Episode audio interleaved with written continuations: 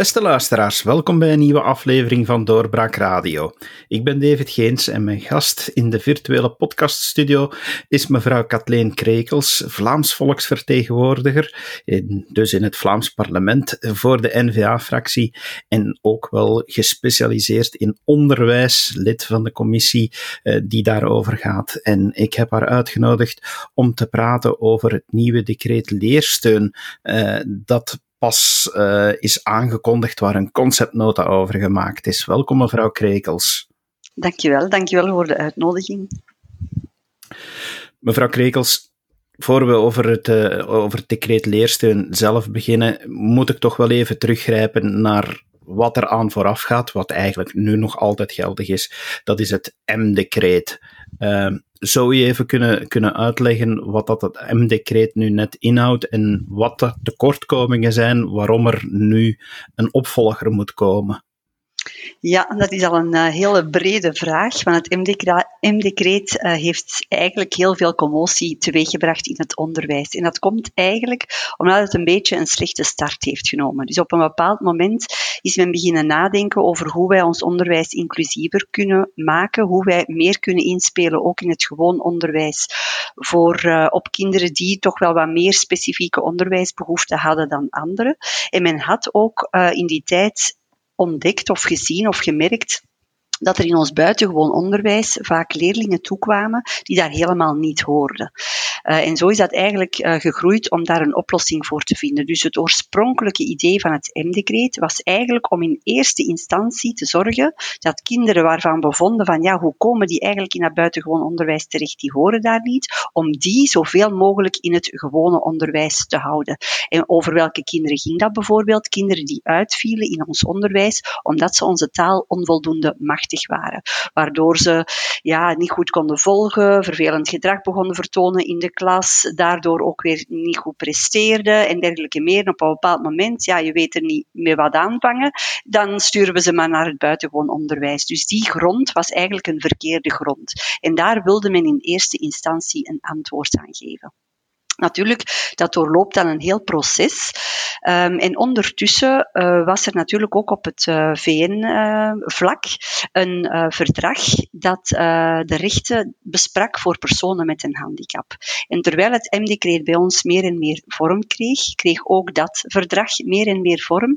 En hebben wij dat op een bepaald moment ook geratificeerd. Hè. Dus onze goedkeuring daaraan gegeven om als land te zeggen van kijk, wij willen ons maximaal inzetten voor het inclusief onderwijs. Nu daar waar het M-decreet, want het, de M van M-decreet staat eigenlijk voor maatregelen. Hè, maatregelen voor kinderen met specifieke onderwijsnoden.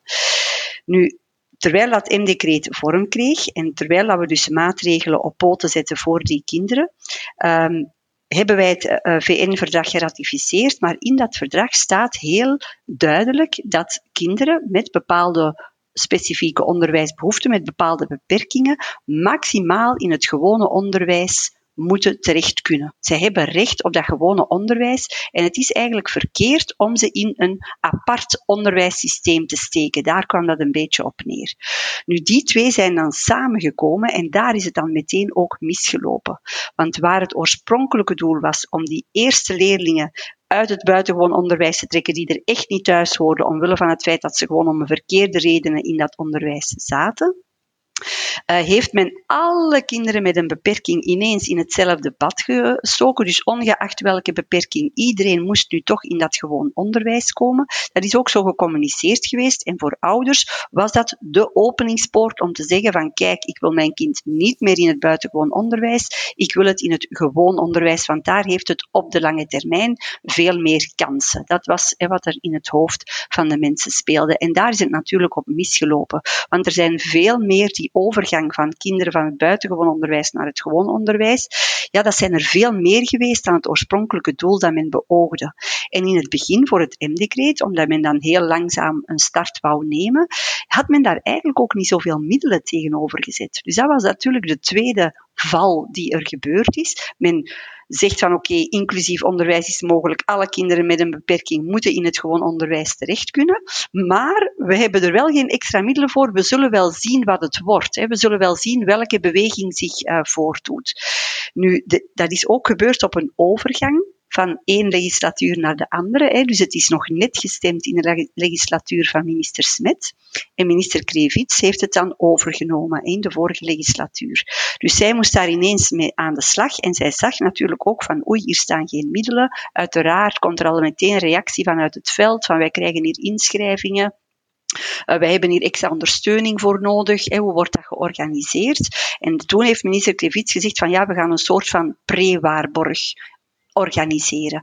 En waarom een pre-waarborg? Omdat minister Smit nog wel een waarborg had voorzien, die in het tweede jaar of het derde jaar dat het M-decreet in voegen was, kon opgenomen worden. En dat was de waarborg dat alle plaatsen of van leerkrachten, alle functies van leerkrachten in het buitengewoon onderwijs, die verloren zouden gaan, omdat er minder kinderen naar het buitengewoon onderwijs zouden stromen, dat we al die kennis en al die deskundigheid niet verloren zouden laten gaan en dat die mensen konden ingezet worden in het gewoon onderwijs. Dus er zou een soort van doorspoeling komen van buitengewoon onderwijs naar gewoon onderwijs om al die kennis te, te behouden. Maar ja, dat duurde eigenlijk veel te lang in die planning, dus heeft minister Krevits dat naar voren getrokken. Dus al wat dat er vrij kwam in het buitengewoon onderwijs, heeft men gegroepeerd om dan uit te sturen naar de um, gewone scholen. En dan, ja, onder die vorm, pre-waarborg en het jaar daarop dan de waarborg, heeft men proberen te beredderen wat, wat kon. Maar natuurlijk dat was een, een, beetje dweilen met de kranen open. Hè, want het was helemaal in gang gezet. Het was zich organiseren. Uh, ja, de pedagogische begeleidingsdienst moest daar een rol in spelen. Iedereen kreeg wel een, een, verschillende taak, maar het was ook vooral veel zoeken. En uh, het was vrij hoe dat je dat kon invullen. Uh, dus iedereen heeft dan ja, op zijn eigen manier, iedere onderwijsverstrekker heeft dan op zijn eigen manier zich proberen te organiseren. Te zien van oké, wat hebben onze scholen nodig? Waar kunnen we ondersteunen? Maar uiteraard kwamen we altijd tekort.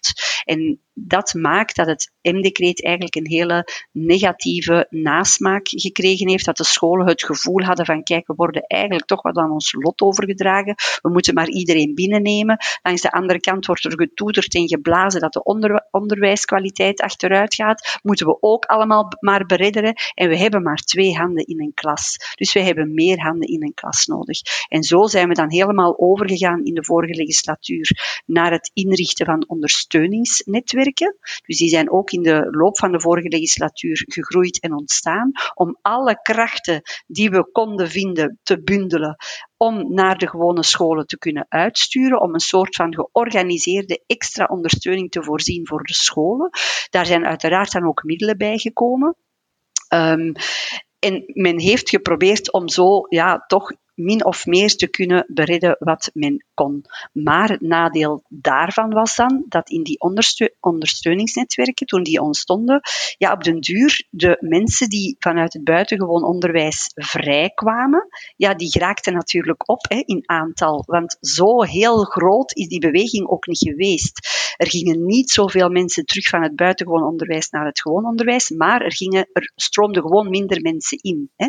Dus de mensen probeerden langer in het gewoon onderwijs eh, terecht te blijven. Dus merkte men bij de aanwerving van de ondersteuningsnetwerken dat men niet meer altijd mensen met ervaring en deskundigheid over een bepaald terrein vond. Dus het kon even goed zijn dat je als ondersteuningsnetwerk mensen aannam die bij wijze van spreken net van de schoolbanken kwamen en die dan ook als deskundigen naar scholen werden gestuurd. Waardoor scholen weer zeiden van ja, hier kunnen we niks mee, want zij weet wel zij kent wel de boekenwijsheid, maar je voelt dat, zij dat die persoon dan nog niet in het onderwijsveld heeft gestaan, niet de werking kent, niet de problematiek kent, niet hoe dat ieder kind er individueel mee omgaat, de manier waarop er dan in een school rondgewerkt wordt. Dus dat, dat begon ook weer te wringen. En al die zaken zijn uiteraard geëvalueerd geweest en die zijn eigenlijk heel mooi opgelijst en opgesomd geweest in een rapport opgesteld door de commissie Struif. Dus het rapport van de commissie Struif heeft dan heel duidelijk aangegeven van kijk, dit zijn alle pijnpunten, dit zijn dingen die naar boven zijn gekomen door met de mensen op het veld echt te spreken, met de leerkrachten, met directies, met de mensen van de ondersteuningsnetwerken, met de mensen van de pedagogische begeleidingsdienst, met de mensen van de CLB's, de Centra voor Leerlingenbegeleiding. Al, al diegenen die betrokken partij waren, zijn daar heel uitgebreid aan bod gekomen. En uh, ja, hebben ze dan het verhaal geschreven van oké, dat is wat is. Er is geen grote tevredenheid. Wat moeten we nu doen om dat inclusief onderwijs toch waar te kunnen maken? En de hele aanpak daaromtrent te verbeteren. En zo zijn we dan gekomen tot de conceptnota van het nieuwe decreet leersteun. Ja, want op dit moment is het dus nog voor alle duidelijkheid een conceptnota. Het is geen decreet dat al gestemd is en dat nu na de zomer wordt ingevoerd. De timing is voorzien voor. Ja, we zijn heel voorzichtig met de timing, omdat we echt wel voldoende draagvlak willen creëren. Dat we alle scholen, iedereen van de ondersteuningsnetwerken, dat we iedereen kunnen meenemen in ons verhaal. Dus we zijn voorzichtig met de timing, maar we kijken ten vroegste naar het schooljaar 22-23. Uh, dat, is het, dat is het vroegste. Ik neem dan aan dat uh, met, uh, met alles wat u opgesomd hebt, dat we eigenlijk al een vrij goed idee krijgen aan wat het nieuwe decreet wil beantwoorden in de eerste plaats, ik denk dan dat, dat die leerlingenbegeleiding, die ondersteuning die er is voor de leerlingen met een beperking, om die toch inclusief in het gewone onderwijs te krijgen, dat dat een van de belangrijkste pijlers is die zal versterkt worden. Ja, daarin is het heel belangrijk om um, terug een beetje naar het realisme te gaan. Dus we willen in die conceptnota ook wel zeggen van kijk, we willen er alles aan doen om kinderen inderdaad inclusief in het gewone onderwijs te houden, maar wel met de, met de nodige ratio. We hebben een, ooit gekozen voor een buitengewoon onderwijs, we hebben dat uitgewerkt, we hebben een sterk buitengewoon onderwijs. Dus we willen wel zien van kijk, waar past het kind het best? Als het gewoon onderwijs kan, dan willen we daar alles voor doen om dat te realiseren. Maar als op een bepaald moment blijkt het lukt toch niet. Het kind komt niet toe aan leren waar het echt wel recht op heeft. Het komt niet toe tot een maximale ontwikkeling. Dan moeten we ook durven overstappen en durven kijken naar het buitengewoon onderwijs. Want uiteindelijk, de manier waarop ons buitengewoon onderwijs georganiseerd is, waar niet alleen de klasjuf is, maar ook de nodige omkadering van logopedisten, van psychologen, ergotherapeuten, kinesisten, heel die omkadering zit daar ingebed in het onderwijssysteem.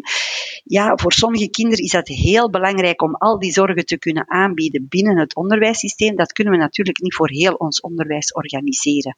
De, de ondersteuning die we in het gewoon onderwijs organiseren, de extra ondersteuning die daartoe komt, dat is natuurlijk altijd tijdelijk. Die personen die komen op de school, maar die gaan ook weer weg. Die zitten daar niet van, van acht uur s morgens tot vier uur s avonds. Nee, die komen en die gaan. En dat is een beetje ook het nadeel van het feit dat een school niet 100% op die personen iedere dag of ieder moment van de dag kan rekenen. Dus we moeten zien wat dat mogelijk is. Dus ons mantra blijft gewoon onderwijs als het kan en buitengewoon onderwijs als het echt wel nodig is. Maar er zullen toch ook wel meer middelen komen, neem ik aan, om, om die begeleiding die er dan is voor diegenen die inderdaad het best uh, verder kunnen in het gewoon onderwijs, om, om de leerkrachten daar beter te ondersteunen. Want dat was een van de dingen die u daar straks wel noemde, dat het ja, een extra last betekende voor de mensen in het gewoon onderwijs om dan toch die extra zorg te geven. Ja. Dat wordt dan aangepakt. Dat wordt zeker aangepakt. Dus we gaan natuurlijk vertrekken van de middelen die we hebben. Want ondertussen in het hele verhaal dat geweest is, zijn er altijd wel wat middelen bijgekomen. Er zijn nu ook de conceptnota is er nu juist, het decreet is er nog niet, maar er zijn al wel een aantal stappen genomen door de minister om middelen bij te geven. Middelen richting de Centra voor, voor Leerlingenbegeleiding, de CLB's, maar evengoed ook richting de basiszorg van het onderwijs. Dus de, de zorgcoördinator, de zorgleerkrachten die nu al in ons onderwijs staan, om ervoor te zorgen dat er meer middelen naar de scholen komen om die mensen meer uren te kunnen geven. Dat zijn bijvoorbeeld incentives die nu al gekomen zijn en die we ook gaan bekijken of die eventueel nog uitgebreid moeten worden. Want een van de pijlers waar eh, de commissie Struif heel duidelijk op gehamerd heeft, is het feit dat ondersteuners heel dikwijls aangaven van goh, wij komen in een school, wij moeten extra zorg, extra ondersteuning bieden, maar wij merken dat de basiszorg, die eigenlijk door de school moet voorzien worden, door de zorgleerkracht, door de zorgcoördinator, dat dat eigenlijk niet voldoende uitgewerkt is. Dus zij moesten dikwijls nog een stapje teruggaan en eigenlijk op die basiszorg werken, om te kijken van oké, wat heeft dat kind nodig in die klas? Hè? Dus op het klasniveau, op het kindniveau zien van oké, hoe kunnen wij hier het beste ondersteunen? En daarom hebben we gezegd van kijk, we gaan meer middelen geven, zodanig dat scholen daar ook sterker in staan. dat, ze, dat ze zich daar kunnen in professionaliseren, om sterker te staan in hun basiszorg, in hun verhoogde zorg. En daarvoor hebben we bijvoorbeeld de pedagogische begeleidingsdiensten uh, ingeschakeld, of willen we die inschakelen door hen te zeggen van kijk, we gaan jullie extra middelen geven, maar wel gekleurd. Die moeten dus 100% ingezet worden voor de begeleiding van scholen, voor hun basiszorg, hun verhoogde zorg op punt te stellen. Zodanig dat als we voor een kind extra, nodig, extra zorg nodig hebben, dat dan via het CLB en het ondersteuningsnetwerk geleverd wordt, dan moet, moet dan moeten we zeggen van oké, dat is gebeurd in de school op vlak van het kind, op vlak van onze basiszorg. Daar komen we tekort en dan kan die ondersteuner inspringen op dat extra niveau dat het kind nodig heeft om haar of hem in het gewoon onderwijs te kunnen houden. Als ik mijn oor te luisteren leg bij leerkrachten en vakbonden van leerkrachten, dan hoor ik nog wel eens de klacht over het M-decreet dat men te lang uh, moet, moet blijven volhouden uh, om een kind te begeleiden in het gewoon onderwijs, terwijl iedereen die betrokken is van ver en van dichtbij voelt, dit lukt niet, dit is een te zware opdracht. Uh, maar dan toch in, in discussie komt met de ouders ja, het zal altijd een teerpunt blijven, maar is, is dat iets waar het nieuwe decreet leersteun een antwoord probeert op te geven? Ja, absoluut. Want dat was ook een van de pijnpunten die ook in het rapport van de commissie Struif heel sterk naar voren kwamen. Dat is uiteraard dat komt eigenlijk neer op die onderlinge samenwerking. Ik heb de verschillende pijlers al genoemd. Je hebt de school, je hebt inderdaad het kind en zijn ouders.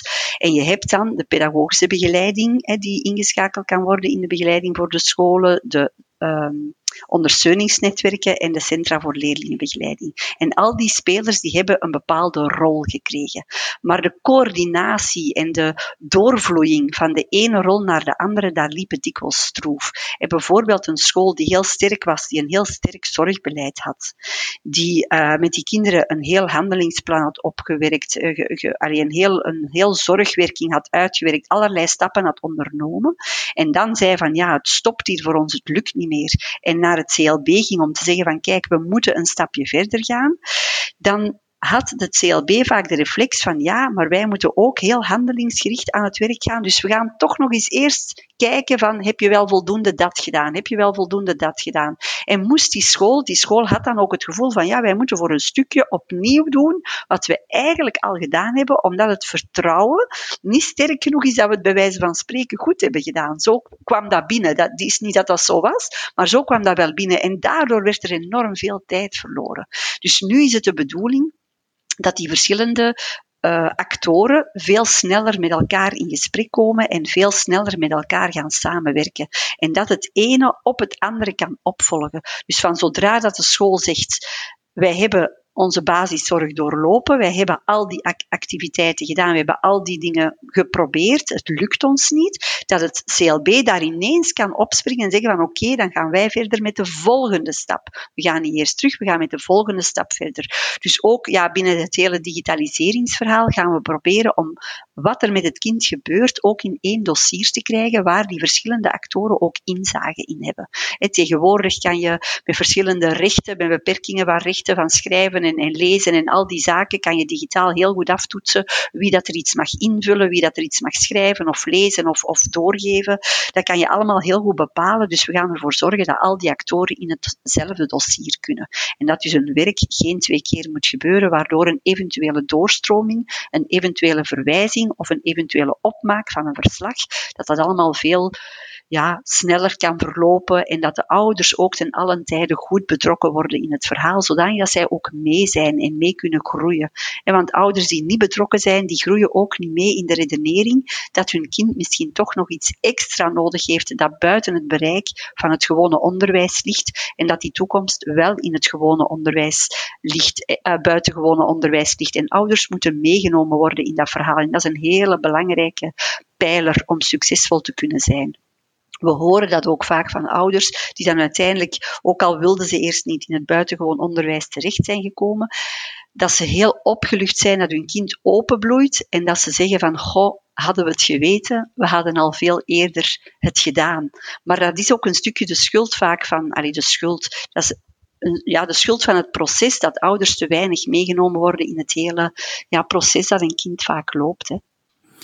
Dit zal er dan waarschijnlijk toe leiden dat uh, het aantal leerlingen in het buitengewoon onderwijs terug zal toenemen. Dat is bij de invoering van het M-decreet toen fors gedaald. Nadien uh, zijn die cijfers terug toegenomen, als ik ze zo bekijk. Maar ja, nu moet er dan, als dit decreet in voegen gaat, moet er vanuit gegaan worden dat het toch voor kinderen die het nodig hebben, dat men terug makkelijker in het buitengewoon onderwijs zal terechtkomen.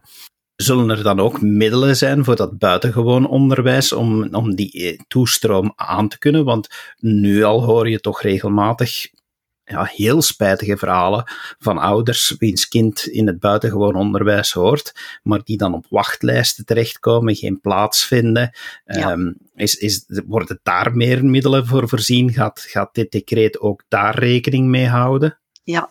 ja, we gaan zeker ook inzetten op het buitengewoon onderwijs. We willen dat echt wel versterken.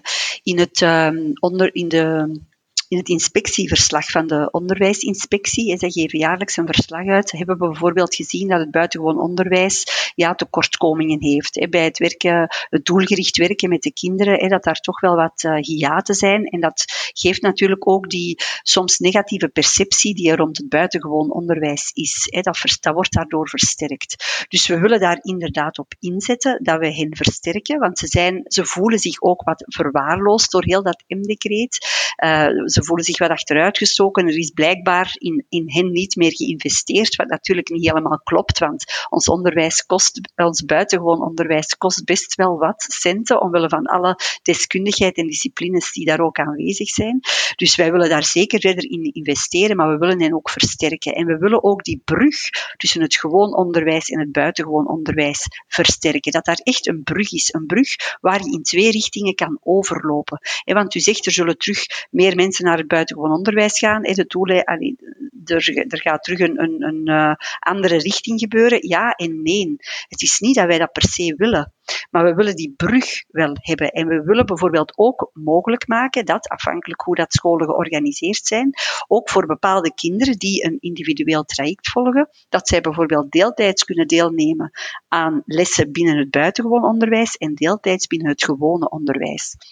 Dat gebeurt nu ook al en dat lijkt zo in eerste instantie misschien niet heel praktisch of niet interessant, maar het gebeurt nu ook al en dat is best ook wel succesvol. Omdat je dan het beste van de twee kan hebben en dat je dan ook met je individueel curriculum ook wel iets kan bereiken. Dat je ook een, een kwalificatie kan bereiken of een getuigschrift kan bereiken of een bepaald diploma kan verwerven, wat dan natuurlijk heel belangrijk is naar die arbeidsmarkt toe.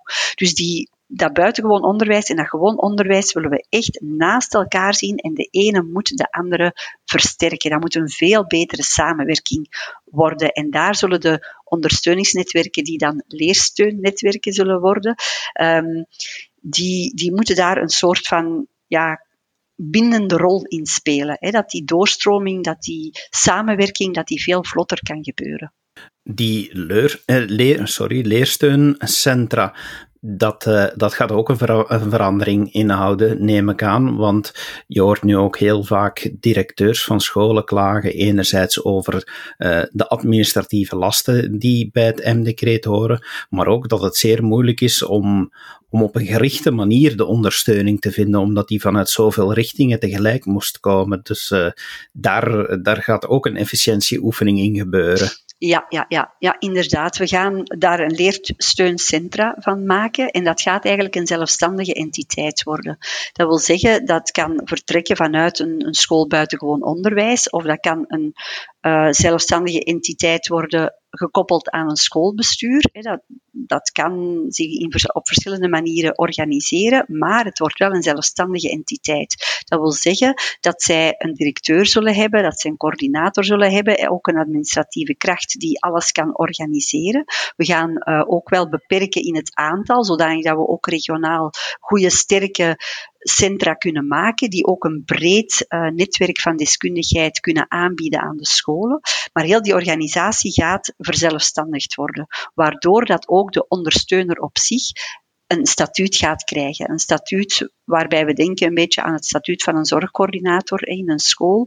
Um, dat gaat een beetje een vergelijkbaar ambt worden, maar ze gaan een echt statuut kunnen krijgen, waarbij dat zij dan ook um, anciëniteit kunnen opbouwen, waar dat, dat zij ook eventueel in kunnen benoemd worden en dergelijke meer. Dus we gaan ook meer zekerheid bieden aan die ondersteuner, waardoor we ook veel meer gaan kunnen inzetten op professionaliteit van die ondersteuner. Want zoals ik daar straks al zei, iedereen kon erin sukkelen ook al had hij nog niet veel bagage mee. Nee, we gaan echt een competentieprofiel opstellen voor die ondersteuner. We gaan echt aanwerven op bepaalde capaciteiten, zodanig dat we echt professionaliteit naar de scholen kunnen brengen, maar zodanig dat die ondersteuner ook de mogelijkheid heeft om zich te professionaliseren in een bepaald gebied. En we kunnen niet van iedereen verwachten dat iedereen de kennis heeft van alles. Dat mogen we niet van de leerkracht verwachten, maar ook niet van die ondersteuner. We moeten ook zorgen dat die zich kunnen specialiseren en dat scholen een specialisatie kunnen inroepen naast een bepaalde persoon een ankerpersoon zal misschien altijd wel belangrijk zijn, dat je toch e-, één bepaalde vaste kracht hebt, maar dat die wel hulp inroept van collega's die een bepaalde deskundigheid hebben, zodanig dat de school echt wel 100% kan rekenen op een deskundige ondersteuning. In het kader van het M-decreet en nu van het nieuwe decreet leersteun wordt er natuurlijk altijd eerst gedacht aan, aan kinderen met een beperking, kinderen die, die daarom extra zorg nodig hebben. Maar bijzonder vond ik ook als ik uh, door de conceptnota doorging, is dat er nu gaat aandacht ook gegeven worden aan hoogbegaafde en uitzonderlijk begaafde kinderen. Zij kunnen ook rekenen op extra begeleiding om, om specifiek hun problematiek aan te pakken. Klopt, hè? Ja, dat klopt. En dat vind ik persoonlijk een hele belangrijke. Dat is ook een thema dat ik uh, heel nauwlettend opvolg en uh, waar ik uh, ja, met de minister dan eh, zowel eens rond de tafel zit, of met zijn kabinet althans. Um, omdat ik, ja, ik vind in het hele M-decreet is dat echt een vergeten groep geweest. En men heeft gekeken naar kinderen met een beperking. Men heeft gekeken naar de kinderen die onderwijs behoeftes hebben, omdat ze anders het gemeenschappelijk curriculum niet kunnen volgen. Want het gemeenschappelijk curriculum, het curriculum van de klas, dat iedereen moet kunnen bereiken, dat, is natuurlijk, dat blijft natuurlijk altijd het doel, ook voor die kinderen die specifieke onderwijs nodig hebben. Maar men heeft dan altijd gekeken naar het deel van het spectrum dat moeilijkheden heeft om dat te bereiken. Dat extra, ja, waarvoor we extra dingen moeten doen, in de hoop dat we ze kunnen meetrekken naar dat gemeenschappelijk gegeven. En naar de kinderen die aan de andere kant van dat spectrum zitten, die daar eigenlijk veel sneller overgaan, die veel sneller ontwikkelen, veel sneller leren, ja, die heeft men daarin altijd vergeten. En doordat er altijd in ons onderwijs steeds meer en meer aandacht naar de groep is gegaan die het moeilijker had, ja, komt op de duur zelfs de groep die gemiddeld zit, die gewoon goed mee kan, en zeker die groep die daar bovenuit stijgt, ja, die beginnen op hun honger te zitten. Die, en dat wordt dan ook een probleem dat heeft ook een beetje te maken, hè, want we zeggen soms die onderwijskwaliteit gaat achteruit. Ja, dat heeft daar natuurlijk ook wel een beetje mee te maken. Als je altijd inzet op de zwakkere om die mee te nemen, wat een goede, goede zaak is en wat dat we zeker moeten doen, ja, dan moet je ook kunnen inzetten op die andere groep. Want anders ja, verlies, je, verlies je gewoon de evenwichten. En daarom vond ik het heel belangrijk dat expliciet werd opgenomen in deze conceptnota, dat ook aandacht zou gaan naar die kinderen met uitdagingsnoden. Dat zijn ook bijzondere onderwijsbehoeften dat die kinderen hebben. Daar moeten ook bijzondere maatregelen voor getroffen worden, maar in een andere, in een andere zin die moeten zorgen dat ze meer uitdaging krijgen en dat ze ook aan hun trekken komen en dat ze in ons onderwijs ook een plaats vinden. Want we merken dat er steeds meer scholen ingericht worden voor hoogbegaafden. Men, dat is, het is nog net geen bijzonder onderwijs voor hoogbegaafden, maar het zijn wel aparte scholen, vaak privéscholen, dus het is niet aan iedereen gegeven om daar ook dan hun kind naar school te kunnen laten gaan. En dan moeten we durven denken van ja, vinden we dat de goede manier? Voor sommige kinderen zal dat zeker wel een oplossing zijn, maar is dat oké? Is dat oké dat ons onderwijs die kinderen eigenlijk loslaat, dat ons onderwijs die kinderen eigenlijk verwaarloost. Nee, dat is niet oké. Dus daar moet even goed in ingezet worden. En ook daar zijn we al volop mee bezig, hè, want een paar weken geleden heeft de Vlaamse regering opnieuw een bedrag van 497.000 euro vrijgemaakt om uh, het project dat vorig jaar is opgestart, dat, om dat verder te zetten, om kennisopbouw te doen en om ook te zorgen dat goede praktijken gaan kunnen uitgespreid worden over alle scholen van heel Vlaanderen. Dus uh, dat project loopt, hè, dat moet nog allemaal vorm krijgen, maar er, wordt wel, er worden wel middelen ingestoken om ook dat verhaal realistisch te houden maar zeker ook waar te kunnen maken. En dat is toch een hele belangrijke, dat we naar de beide zijden van het spectrum kijken. We zitten nu in de fase van een conceptnota. Wat zijn de volgende stappen vooraleer dit een decreet wordt en uitgevoerd zal worden? We hadden het al over de timing, maar wat gebeurt er nog in tussentijd? Ja, nu gaat dat eigenlijk zijn weg hè, via het parlement gaan. Dus die conceptnota die zal besproken worden in de commissie onderwijs. Um, daar zullen dan een aantal zaken mee naar voren komen. Uiteraard zullen wij ook nog terug opnieuw uh, gesprekken voeren met uh, mensen uit het veld. Van oké, wat is hun visie? Hoe staan zij tegenover deze conceptnota?